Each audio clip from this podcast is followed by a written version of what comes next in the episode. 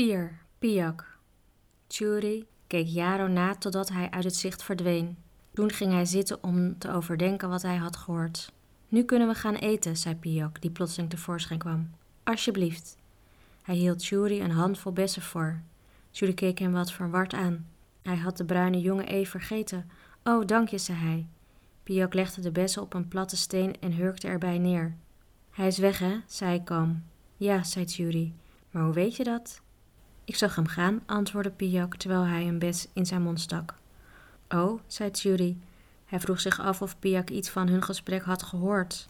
Deze spuwde een spit uit, nam een tweede bes en bekeek die aandachtig. Toen richtte hij zijn helder blik op Judy. Wie ben je? vroeg hij zacht. Wie ik ben? vroeg Judy verbaasd.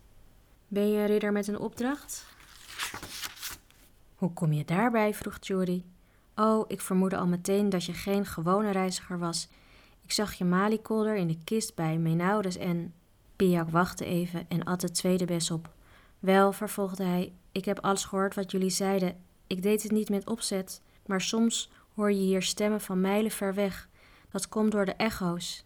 Eerst wilde ik weggaan, maar toen dacht ik plotseling aan wat Menaudes me heeft gezegd en vond dat ik beter alles kon weten. Oh, zei Judy weer, niet wetend of hij verbaasd, boos of ongerust moest zijn.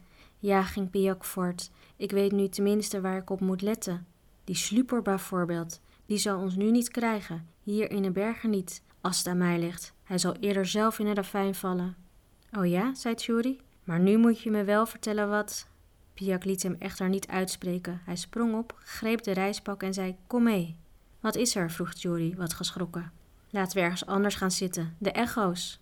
Een minuut later zaten ze ergens anders. Piak nam zijn verhaal weer op. Ik begrijp niet alles van wat die jaren tegen je zei, maar toch wel iets, zei zacht. Je hebt een brief bij je voor koning Unauwe en Jaro of zijn meester wil niet dat de koning die krijgt. En ze hebben een zekere sluper op je afgestuurd. Een sluwe slang zou je hem kunnen noemen. Je zegt niets, ging hij na een ogenblik zwijgen voort. Je durft niet natuurlijk. Je denkt zeker net als een oom van me, die zei altijd: vertrouw alleen maar jezelf. Gelijk heb je. Maar ik weet het nu eenmaal en het lijkt me prettiger als jij weet dat ik het weet. Dan weet je waar je aan toe bent. En ik hoef niet te doen alsof ik het niet weet. Judy keek hem aan en begon te lachen. Dat is waar, zei hij. En er is nog iets dat ik nu weet. Wees voorzichtig met praten in de bergen, want de echo's kunnen je verraden. Piak lachte ook. Toen werd zijn gezicht ernstig en hij zei: Je hoeft niet bang te zijn dat ik je zal verraden. Je kunt mij vertrouwen. Zie je, ik heb ook een opdracht. Mijn gaf me die. Je moet zijn gids zijn, zei hij tegen me. Je moet hem een korte weg wijzen en een die zo veilig mogelijk is. Je moet erop letten dat niemand hem volgt. Je moet wakker blijven als hij slaapt en bij hem blijven als hij wakker is. Wel, dat is mijn opdracht. Daarom bleef ik in de buurt en luisterde naar wat jullie zeiden. En omdat ik de opdracht heb de gids te zijn van iemand met een opdracht, is die opdracht van jou eigenlijk ook een beetje van mij. Judy keek hem aan en voelde zich blij worden. Piak, dacht hij, zou niet alleen een gids en reisgezel, maar ook een vriend van hem zijn. Hij stak de jongen zijn hand toe. Ik vertrouw je volkomen, zei hij. Hier mijn hand erop. Ik heb inderdaad een opdracht, maar ik mag er met niemand over spreken. Er zijn vijanden die willen voorkomen dat ik hem ooit uitvoer. Dat heb ik al begrepen. Ik zal je later misschien meer vertellen. Alleen vraag ik je dit: laat een ander nooit merken wat je weet. Dat spreekt vanzelf, zei Piak, zijn hand stevig drukkend. O ezel die ik ben, riep hij even daarna.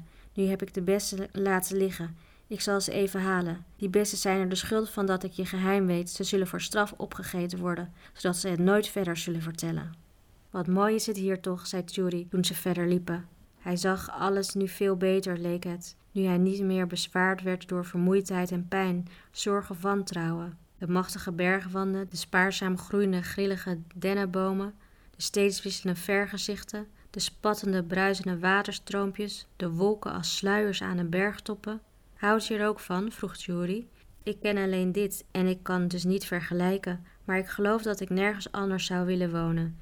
Ik vind het heerlijk om te klimmen en te klimmen en dan te zien waar ik kom. Mijn vader was net zo. En in mijn dorp zeiden ze dat hij gek was. Hij is op een dag in een ravijn gestort en ze zeggen dat ik ook zo terecht zou komen. Onzin. Een buurman van mijn vader wilde nooit een stap buiten het dorp doen en toch ging hij ook dood omdat hij van een trap viel. Je kunt dan toch beter in een ravijn vallen, vind je niet? Dan heb je tenminste nog wat gezien. Jury was het met hem eens. Piak praatte verder over zijn vader. Ze zeggen dat ik op hem lijk, zei hij. Hij heette ook Piak. Leeft jouw vader nog? Ja, antwoordde Tjuri. Ik heet ook net als hij. Dan heet hij dus Martijn, zei Piak. Nee, zei Tjuri op zachte toon. Tjuri heet hij, en dat is mijn naam ook. Ai, zei Piak, hem met grote ogen aankijkend. Maar met anderen erbij moet je me zo niet noemen, voegde Tjuri erbij. Nee, nee, natuurlijk niet, zei Piak. Het leek dat hij wat wilde vragen, maar hij zweeg. Tegen zonsondergang bereikten ze de plaats die Piak voor deze dag als doel had gesteld. De twee berghutten waarover hij had gesproken. Ze waren allebei leeg en ongebruikt, maar zouden een goede schutting zijn voor de nacht. Tjuri merkte dat het, nu de zon was verdwenen, inderdaad kil werd, en hij was blij dat hij de schapenpels aan kon trekken. Ze installeerden zich in een van de hutten en aten wat. Ze maakten geen vuurtje, daar dat hen van verre afstand zou kunnen verraden.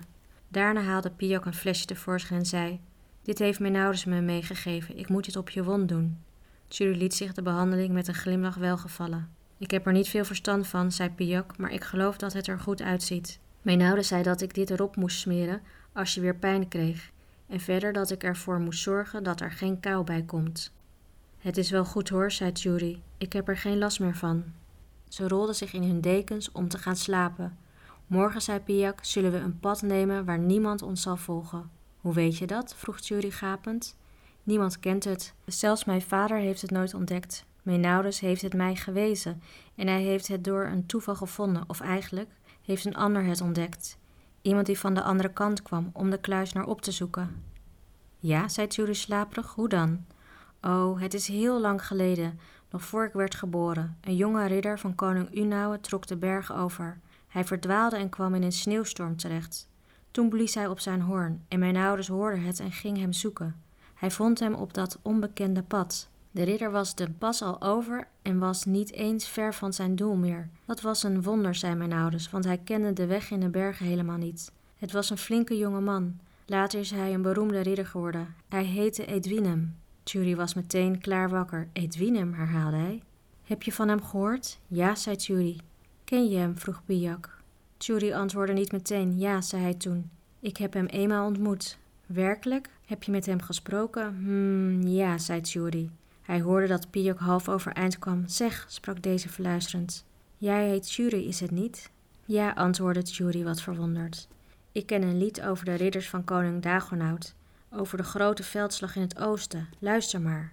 Zachtjes zong Piak. Wil nu horen naar mijn lied? O, dan zal ik u zingen van wat in het oosten is geschied aan schone dappere dingen. Hoe ons een koning Dagonout optrok met de zijne en hoe de vijand nader zag hem en zijn paladijnen. De koning in zijn purperkleed, op het hoofd de gouden kronen, zat op zijn witte ros zo fier als op zijn gouden tronen. Wie reed er aan zijn rechterzij met schild azuur en gouden? Ridder Tjuri, dat was hij, op wie hij zeer vertrouwde. Ridder Tjuri, viel Piak zichzelf in de rede. Tjuri de dappere, is dat je vader? Hoe kom je daarbij? vroeg Tjuri, maar antwoordde toen: Ja, dat is mijn vader. Dan ben je dus toch een ridder, fluisterde Piak opgewonden. Nee, ik niet, zei Tjuri. Ik ben. Ik was maar een schildknaap. Oh, maar je wordt later toch ridder, niet? Eerst page, dan schildknaap. Zo gaat het toch? Vertel. Ik was de page van mijn moeder en de schildknaap van mijn vader, zei Tjuri. Hij glimlachte in het donker, bij de herinnering aan de gelukkige jaren in Tehuri. Voor het eerst sinds dagen vroeg hij zich weer af hoe zijn ouders het maakten. Zouden ze op hem wachten in de stad van Dagenhout, of zouden ze terug zijn gegaan naar hun kasteel? Toen ik dertien was, werd ik schildknaap van ridder Vartumar, vervolgde hij.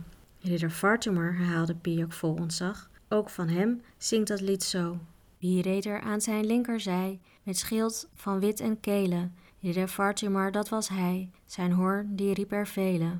Daarna kwam ik bij koning Dagenhout in dienst, vertelde Tjuri. Dat moet iedereen die ridder wil worden. En wanneer word je tot ridder geslagen? Ik had al ridder kunnen zijn, antwoordde Tjuri, maar nu weet ik niet of ik het nog wel zal worden. Ik heb de regels overtreden en de koning is streng. Hij vertelde Piak van de nachtwaken in de kapel, van de stem die hem vroeg open te doen, van de onbekende die hem de brief gaf van de zwarte ridder met het witte schild. Hij vertelde hoe hij die ridder stervend had gevonden en dat hij diens opdracht had aanvaard, de brief te brengen naar koning Unauwe. Ah, zei Piak met een zucht, Dan noem ik je toch een ridder met een opdracht. Je kon toch niet anders doen dan je gedaan hebt? Nee, zei Judy, ik kon niet anders. En de zwarte ridder met het witte schild, wie was hij? Ridder Edwinem, heer van Forestera, maar dat heb ik pas later gehoord.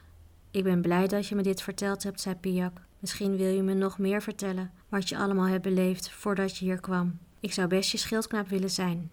Ik ben geen ridder, zei Tjuri. Toch wel. Ik zou liever willen dat je mijn kameraad was, mijn vriend. Ja, dan zijn we vrienden. Ze zwegen een poos. Nou, zei Piak toen, ik zou nog wel veel meer willen horen, maar ik heb toch slaap? Ik zou eerst maar een beetje dromen van wat je hebt verteld. Goed, welterusten dan. Welterusten, zei Tjuri. Daarna bleef het stil in de hut.